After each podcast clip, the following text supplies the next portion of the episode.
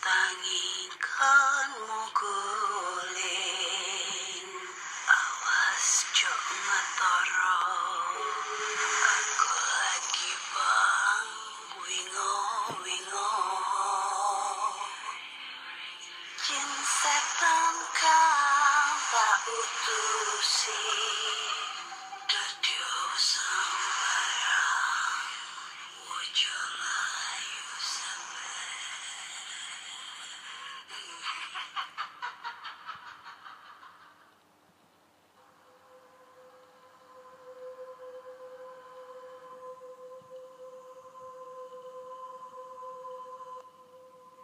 Assalamualaikum warahmatullahi wabarakatuh. Selamat datang di podcast kisah horor.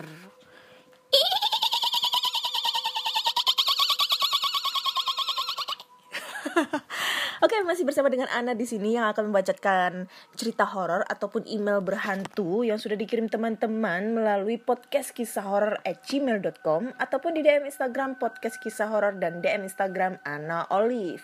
Dan ini udah banyak banget email yang masuk. Ya, seperti biasa, aku membacakan cerita horor ini jam 1 lewat 16 dini hari. Karena aku lebih senang membacakan cerita horor ini lewat tengah malam ya di satu sisi karena aku lebih senang eh apa ya lebih pengen supaya apa ya horornya cerita horornya itu dapat banget kalau kita ngebacainnya itu di tengah malam.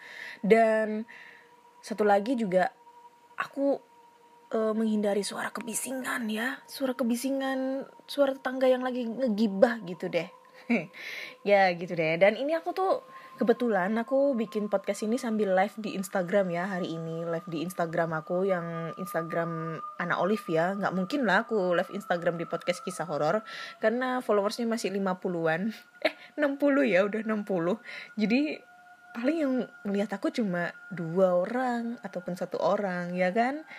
Lagian juga di Instagram aku juga yang lihat cuma tiga orang nih. Ada dari Bucin TV, halo Kak Davi. Ada lagi dari Kak Fani lagi dari channel YouTube-nya My Name is F. Uh, My Name is F. Ini Lady Ghoster dari Bogor. Kalian harus lihat eh, channel YouTube-nya Kak Fani ini. Dia tuh keren banget. eh apa ya? Menelusuri atau mengeksplor tempat-tempat terbengkalai itu sendirian. Dia seorang cewek loh. Ih, serem. Dan ini dari Bucin TV yang kemarin sempet aku eh, ceritakan kisahnya ya tentang pengalamannya dia itu eh apa namanya? menceritakan tentang pengalamannya kalau dia dihantui oleh hantu pacar dari temennya kayak gitu deh. Yang aku inget sih kayak gitu. Oke oke oke oke. Eh, ini ada komen-komen gak bang tadi cuma ikut temenin ngonten tim Pak Iwan ya suara bising hati seseorang kekasih iyalah itu. Kalian ngobrol sendiri aja. Oke langsung aja kita bacakan ceritanya. Dan ini ada udah ada tiga cerita yang akan aku bacakan di malam hari ini. Hari ini tanggal eh hari ini tanggal. Hari ini hari Minggu ya udah masuk hari Minggu tanggal 19 Juli 2020 waduh udah memasuki tanggal tua ya. Biasa kalau udah tanggal tua itu bawaannya itu aduh sedih nggak punya penghasilan nih ya si Kavani sama kak Kak Davi ini, Bang Davi ini dari tadi ngobrol tentang masalah konten-konten karena aku udah pensiun masalah ngonten mengonten. Hehe. Oke, langsung aja kita bacakan cerita pertama. Cerita pertama datang dari email dan judul judulnya adalah Hantu di Pernikahan. Hmm, langsung aja kita bacakan ceritanya. Ini aku ribet ya, naruh HP-nya di mana ya? Karena ini aku sambil live di Instagram sesekali lah.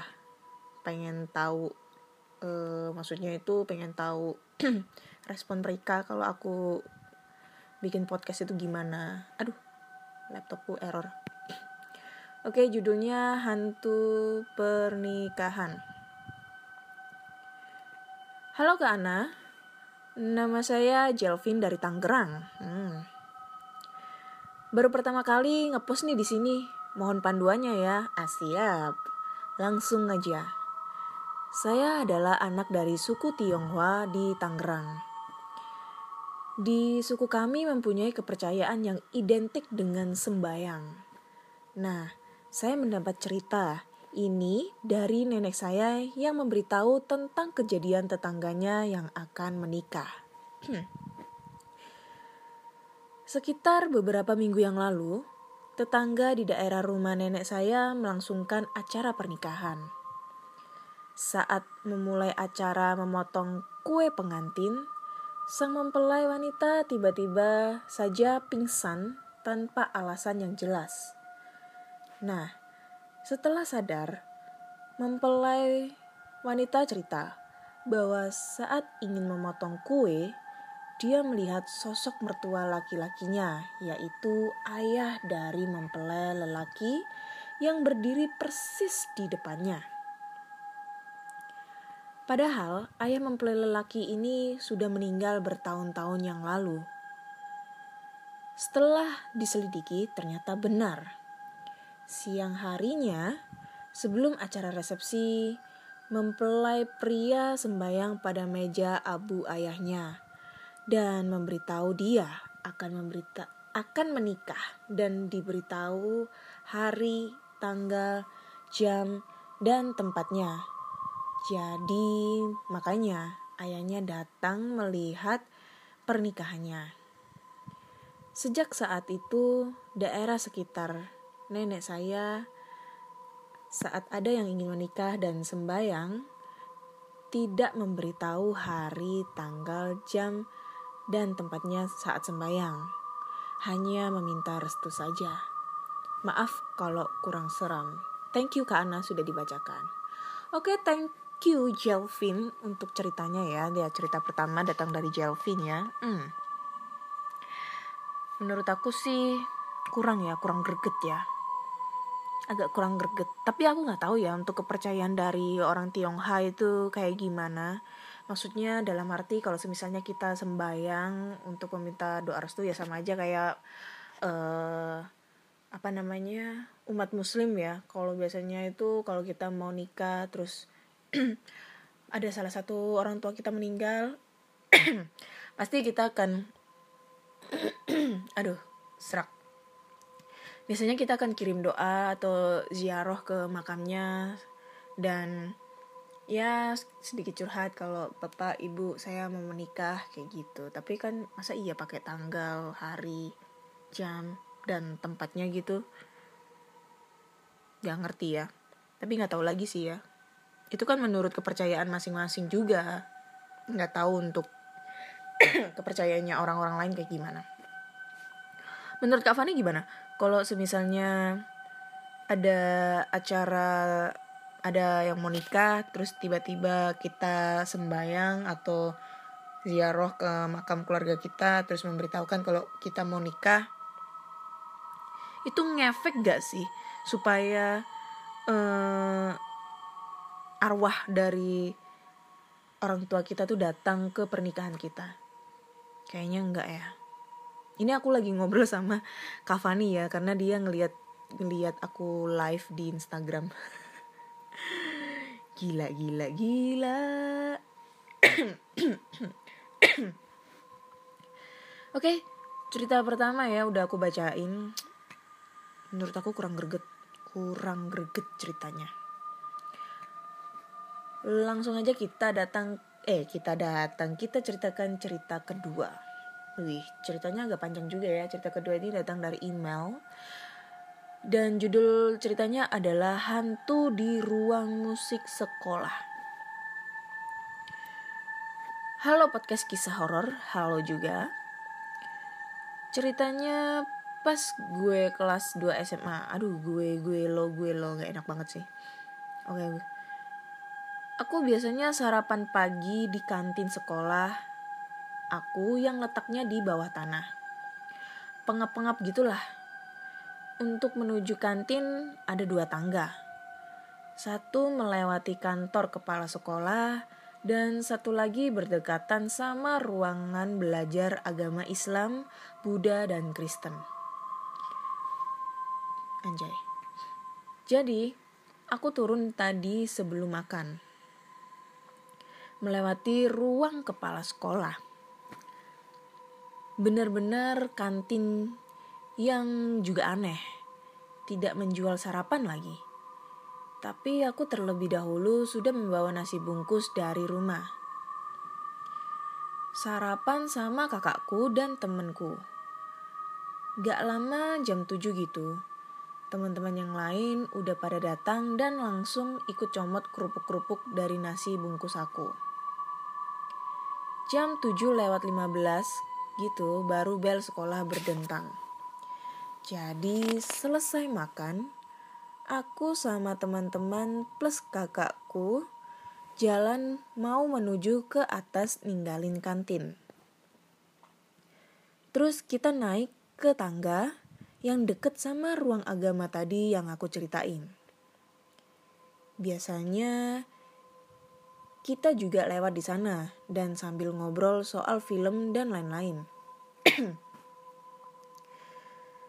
Di sebelah ruang agama Buddha itu, tetanggaan sama ruang agama Islam. Di dekat ruang agama Islam itu ada tangga kecil. Isinya ada mainan untuk anak TK. Dan dulu di ruang musik itu ruangannya anak TK. Ruang musik itu tetanggaan sama ruang agama Kristen. Hmm, agak sedikit bingung ya. Jadi setiap ruangan, sebentar aku jelasin dulu ya. Jadi setiap ruangan agama, maksudnya kalau di sekolah itu ada ruangan agama sendiri-sendiri gitu lah, kelas agama lah, ibaratnya kayak gitu, kelas agama.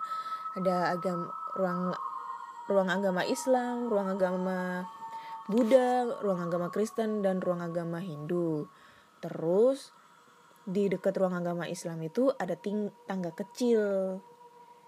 Dan isinya ada mainan untuk anak TK di mungkin di ruangan itu.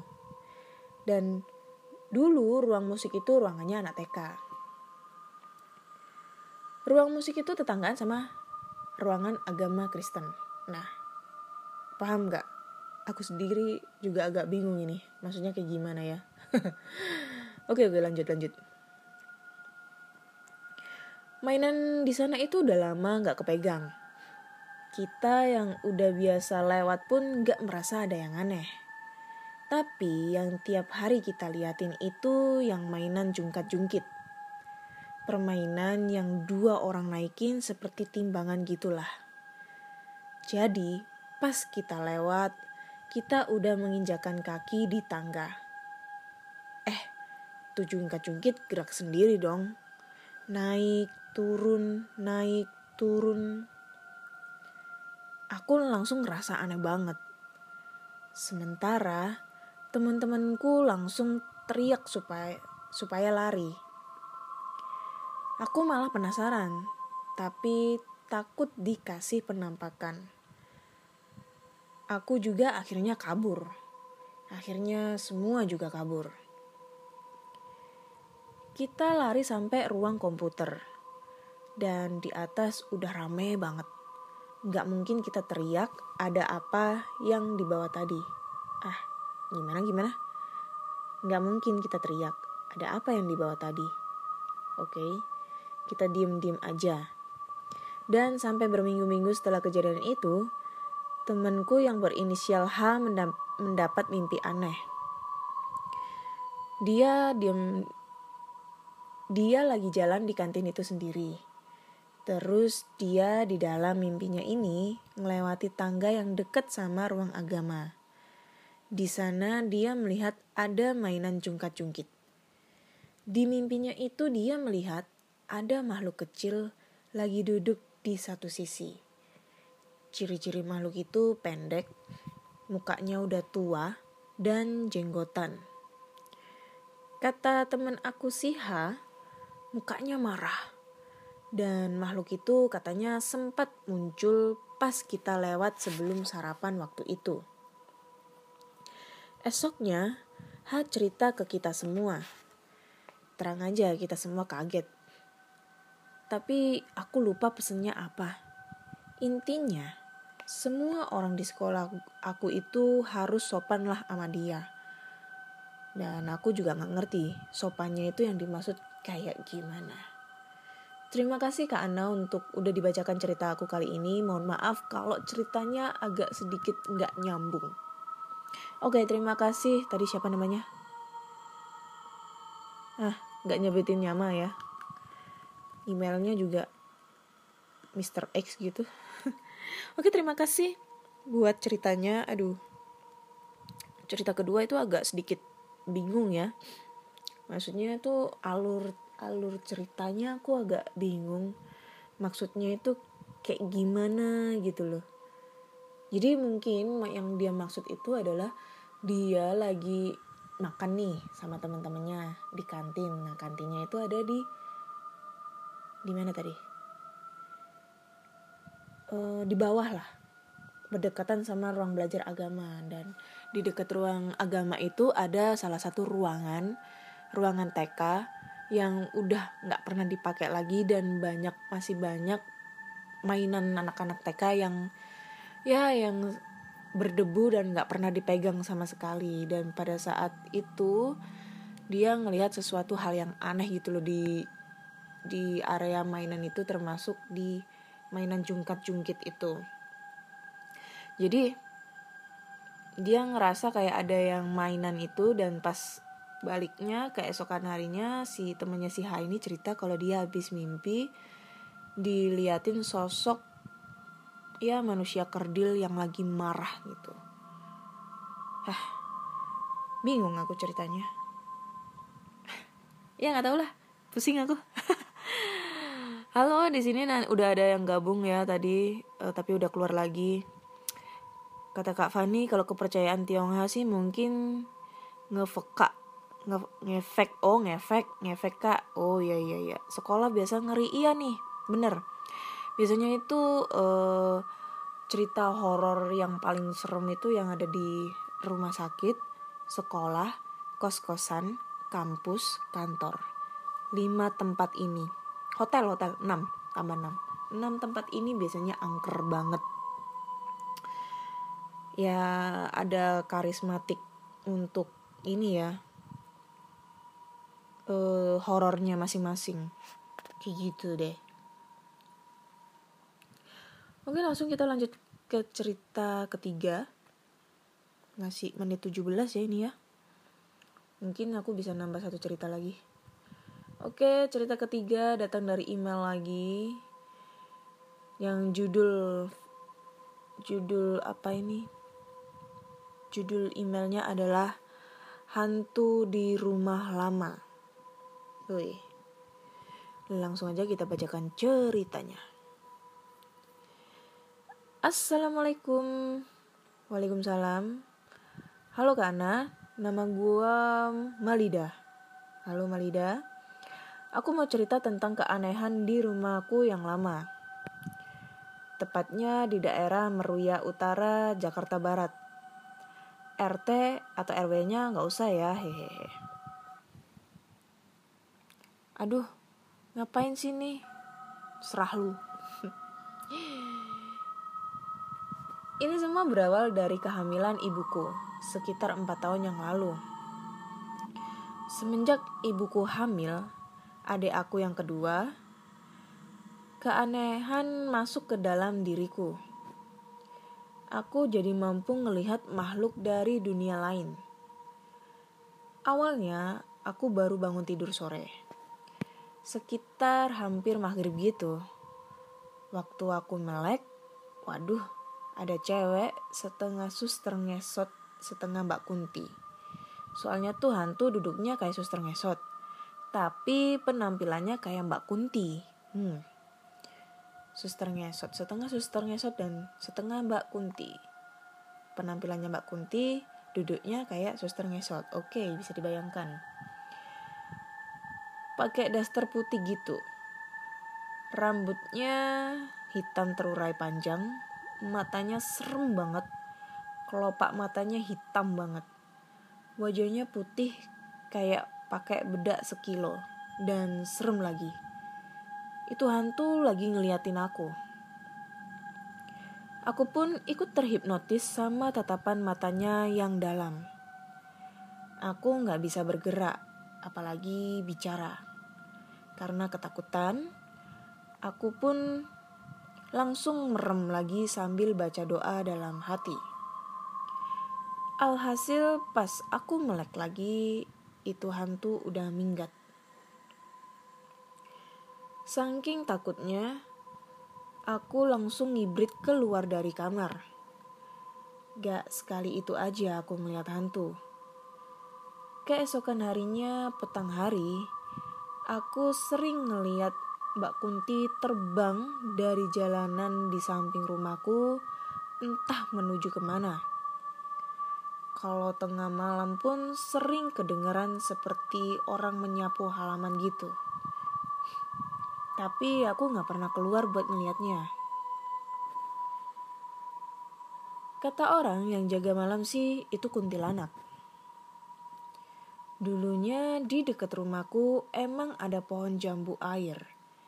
Yang konon ada kuntilanaknya. Mungkin karena tuh pohon ditebang, kuntilanak, kuntilanaknya jadi bertebaran, wanjai. Oke, kita pindah ke hantu yang lainnya. Hari-hari berikutnya, aku sering ngelihat hantu anak kecil gitu. Dia selalu lewat di samping meja komputer di kamarku. Ya, untungnya sih, tuh nggak pernah ngeganggu. Awalnya aku takut karena ngelihat hal seperti itu. Tapi lambat laun udah terbiasa. Lalu kalau aku bangun jam 2 atau 3 dini hari gitu, terdengar suara gendingan Jawa gitu. Semakin aku pertajam pendengaran, maka semakin keras pula gendingannya. Masa sih ada orang nabuh gendingan malam-malam gini? Terus pas gerimis sore gitu, aku sama adek aku ngeliat cewek berkerudung putih lewat depan rumahku. Hmm, tiba-tiba tuh cewek langsung hilang langsung dah aku tutup gorden itu. Ya rumahku emang deket sama kuburan.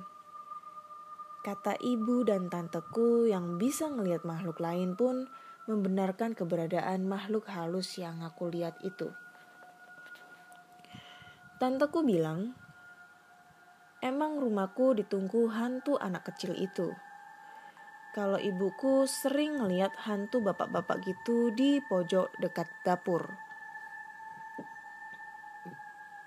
Dan anehnya lagi, aku kan pernah tukeran kamar sama bapakku. Waktu bapakku tidur di kamarku, katanya selalu direp-repin. Gak bisa melek karena dikekang hantu. Ya mungkin ketindian gitu ya. Dan sering ngigo gitu. Akhirnya bapakku nggak mau tuh di kamarku lagi. Mungkin cukup sampai di sini dulu cerita dari aku. Maaf kalau nggak serem. Atas atas perhatiannya terima kasih ya kak. Wassalamualaikum warahmatullahi wabarakatuh. Waalaikumsalam warahmatullahi wabarakatuh.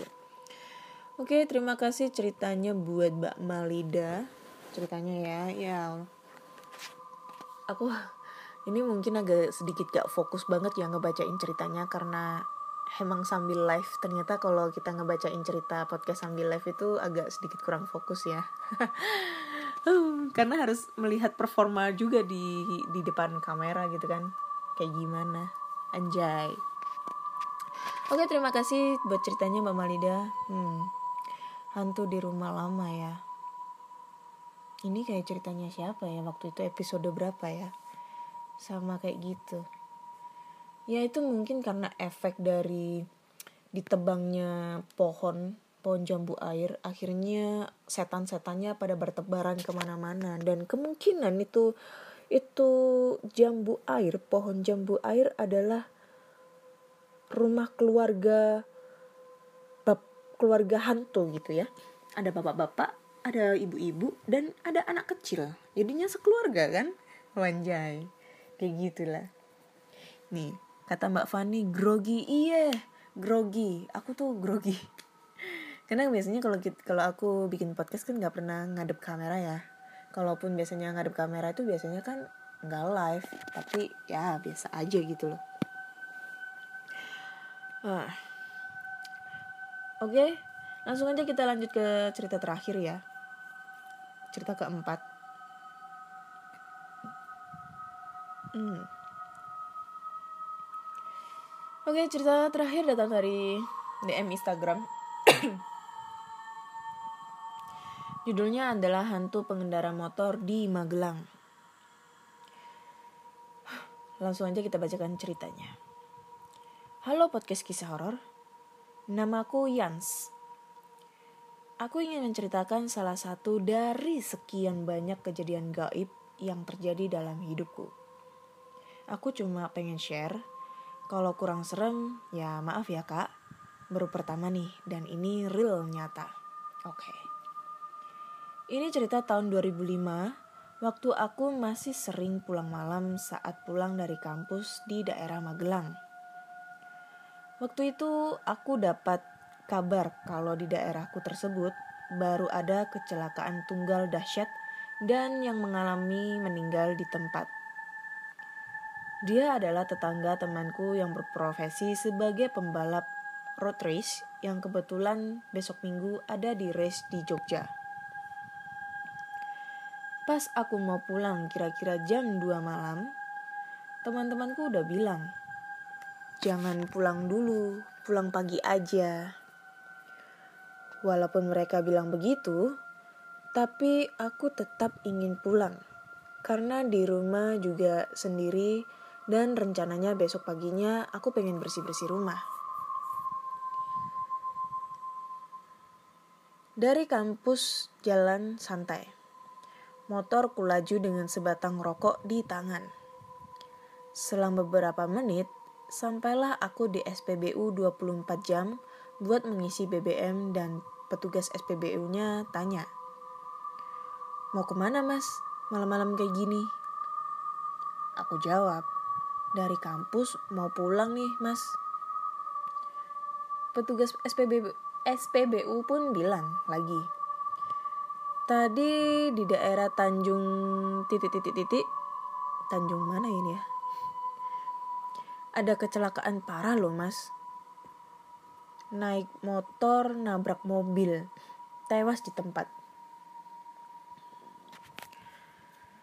Pengemudinya kegencet bareng motornya.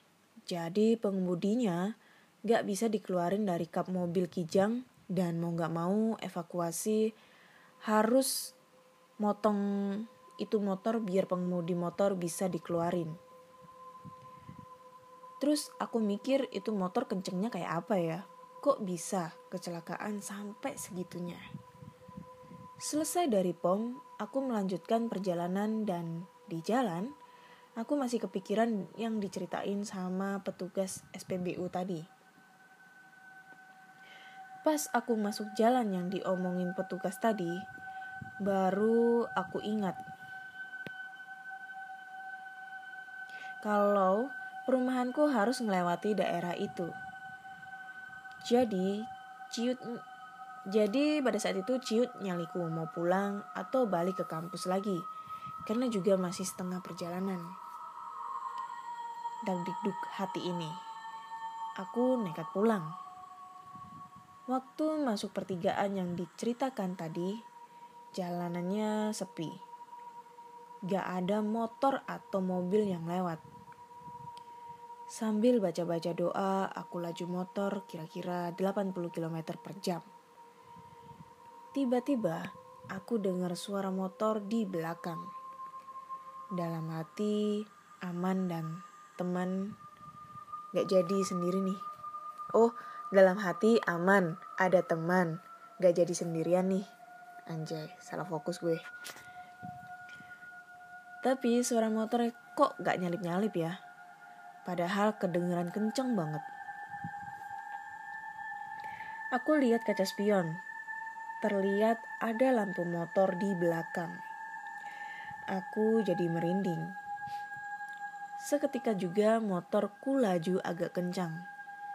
Tapi motor yang di belakang tetap ngikutin. Tambah merinding. Aku pelintir gas sekencang-kencangnya. Pas aku lihat ada tanda silang di jalan, itu tanda silang warna putih tanda di mana kecelakaan terjadi. Aku tambah kencengin motorku sambil doa dalam hati. Sesudah lewat tanda dari polisi tadi, motor di belakang langsung nyalip. Aku seketika ingin teriak. Tapi seperti kekunci bibir aku ini.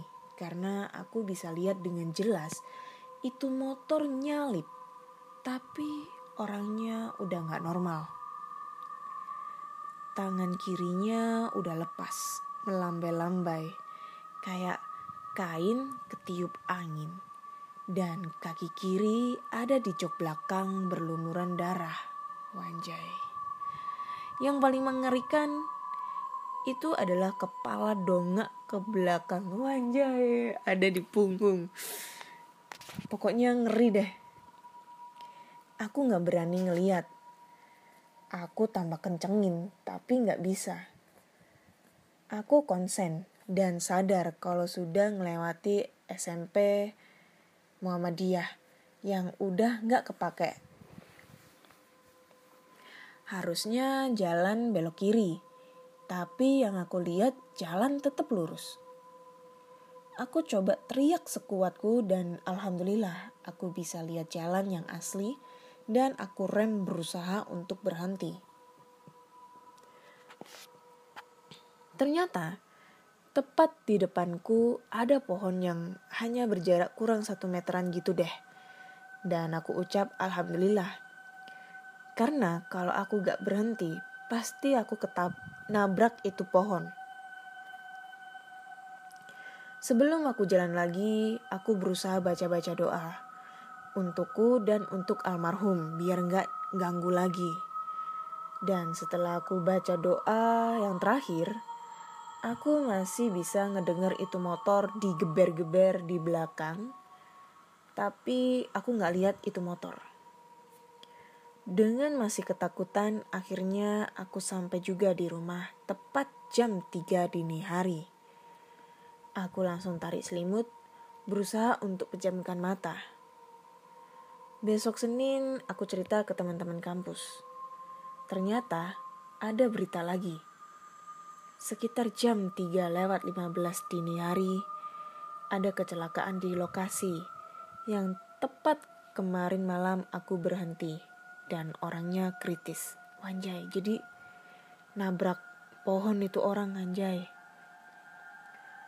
Begitulah ceritaku yang sampai sekarang masih keingat kalau aku pulang malam. Dan sekarang aku udah kerja di daerah Solo yang mau aku ceritakan lagi. Maaf kalau ceritanya kepanjangan dan kurang serem. Maklum baru pertama nge-share. Thanks ya kak, udah baca ceritaku. Kritik dan saran ditunggu sukses untuk podcast kisah horor. Oke, terima kasih buat Mas siapa ini tadi? Mas Yans untuk ceritanya ya Wanjay Ini serem serem serem. Waduh cerita terakhir ini klimaks banget ya. Serem bener apa kata Van, Kak Vanin tuh serem ini. Dan apa ya? Emang ya kalau misalnya dalam keadaan kita perjalanan pulang ya Di dini hari lewat tengah malam dan suasananya itu posisinya jalanan sepi dan gelap itu emang horornya itu kerasa banget banget. Dan ya ya selain kita takut diganggu sama setan selain itu juga takut sama begal cuy. Bener nggak? Takut sama begal. Kalau aku sih dulu itu kalau aku sih ya kalau misalnya kita keluar aku pulang dini hari entah itu naik motor entah itu naik mobil ya yang aku takutin bukan ketemu sama setan tapi yang aku takutin itu ketemu sama begal. Itu yang lebih serem. Tapi biasanya sih kadang ya kalau misalnya aku jalan nih ya aku pulang biasanya nih aku habis dari luar kota. Pernah itu dulu itu aku sering kan keluar kota keluar kota di jalan itu udah udah dini hari lah jam jam satu jam 2 itu selalu refleks aku ngeliat di bangku belakang. Nggak pernah lihat spion kiri spion kanan nggak pernah. Refleksku mesti lihat di bangku bangku belakang. Karena takutnya itu pada saat aku nyetir mobil gitu kan. Anjay ada yang ngikut cuy di belakang duduk di belakang. Kan serem gitu kan. Ya kalau cowok ganteng gitu nggak apa-apa. Lah ini kuntilinik ya kan? Mana mukanya serem lagi mana ngikik lagi rambutnya acak-acakan nggak pakai sampo nggak pakai pentin. Bajunya lusuh bikin jok mobil kotor aja anjay. Oke dari keempat cerita ini yang menurut aku paling serem paling greget adalah cerita yang paling terakhir ya hantu pengendara motor di Magelang. Itu yang menurutku paling greget. Wih the best lah. Terima kasih eh, Mas Yans buat ceritanya. Ditunggu untuk cerita-cerita selanjutnya dan terima kasih buat pendengar semua yang sudah ngedengerin podcast kisah horor. Sudah empat cerita yang aku bacakan dan ini udah masuk ke menit 35 jadi kalau kalian punya cerita horor eh, buat pendengar semua yang ya entah itu cerita dari pengalaman kalian sendiri pribadi dari kakak adik kakek nenek ayah ibu dan teman atau saudara-saudara lainnya kalian bisa langsung aja kirim ceritanya ke podcast kisah horor at gmail.com ataupun di DM Instagram podcast kisah horor dan DM Instagram Ana Olive. Jangan lupa follow Instagram podcast kisah horor karena ya followersnya masih 60-an guys. Diramaikan dong diramaikan. Dan Podcast kisah horor kali ini udah eksklusif di Spotify, Google Podcast, Apple Podcast, ataupun di Anchor. Dan ya ampun gue seneng banget nih, podcast kisah horor udah naik peringkat nih. Udah masuk, masih masih berada di 200 besar dan sekarang peringkatnya udah naik ke peringkat 106 Wanjay, seneng banget aku ini ya semoga ke depannya podcast kisah horor bisa jadi eh, teman horor kalian ya di saat kalian mau tidur Wanjay dan jika kalian suka dengan eh, explore tempat-tempat terbengkalai ya, eh, video-video explore kayak gitu, kalian bisa langsung aja mampir ke channel YouTube aku namanya Anna Olive ya, A N N A O L I V E. Di situ banyak banget eh, aku bikin video explore ke tempat-tempat terbengkalai, tapi untuk sementara aku vakum ya untuk sekarang. Eh, vakum atau pensiun ya, aku nggak tahu ya pokoknya diramaikan aja. Dan jika kalian suka dengan yang horor-horor juga ini ada salah satu channel namanya My Name is F ya. My Name is F ya. Itu channel Lady Ghoster juga uh, ghoster cewek. Ya sama dengan saya ya channelnya. Explore ke tempat-tempat terbengkalai. Uh, dia adalah Lady Ghoster dari Bogor, kalau saya dari Surabaya, tapi saya sudah pensiun. Kalau Kak Fani belum. Ha. Jangan lupa di subscribe, like, komen, dan share yang sebanyak-banyaknya agar kita semua itu lebih semangat lagi membuat konten konten yang lebih nyeremin supaya kalian bisa itu eh supaya kalian itu bisa terhibur semua kayak gitu. Oke? Okay? Terima kasih sudah mendengarkan dan nantikan di episode-episode berikutnya. Terakhir nama saya Ana. Assalamualaikum warahmatullahi wabarakatuh dan selamat malam.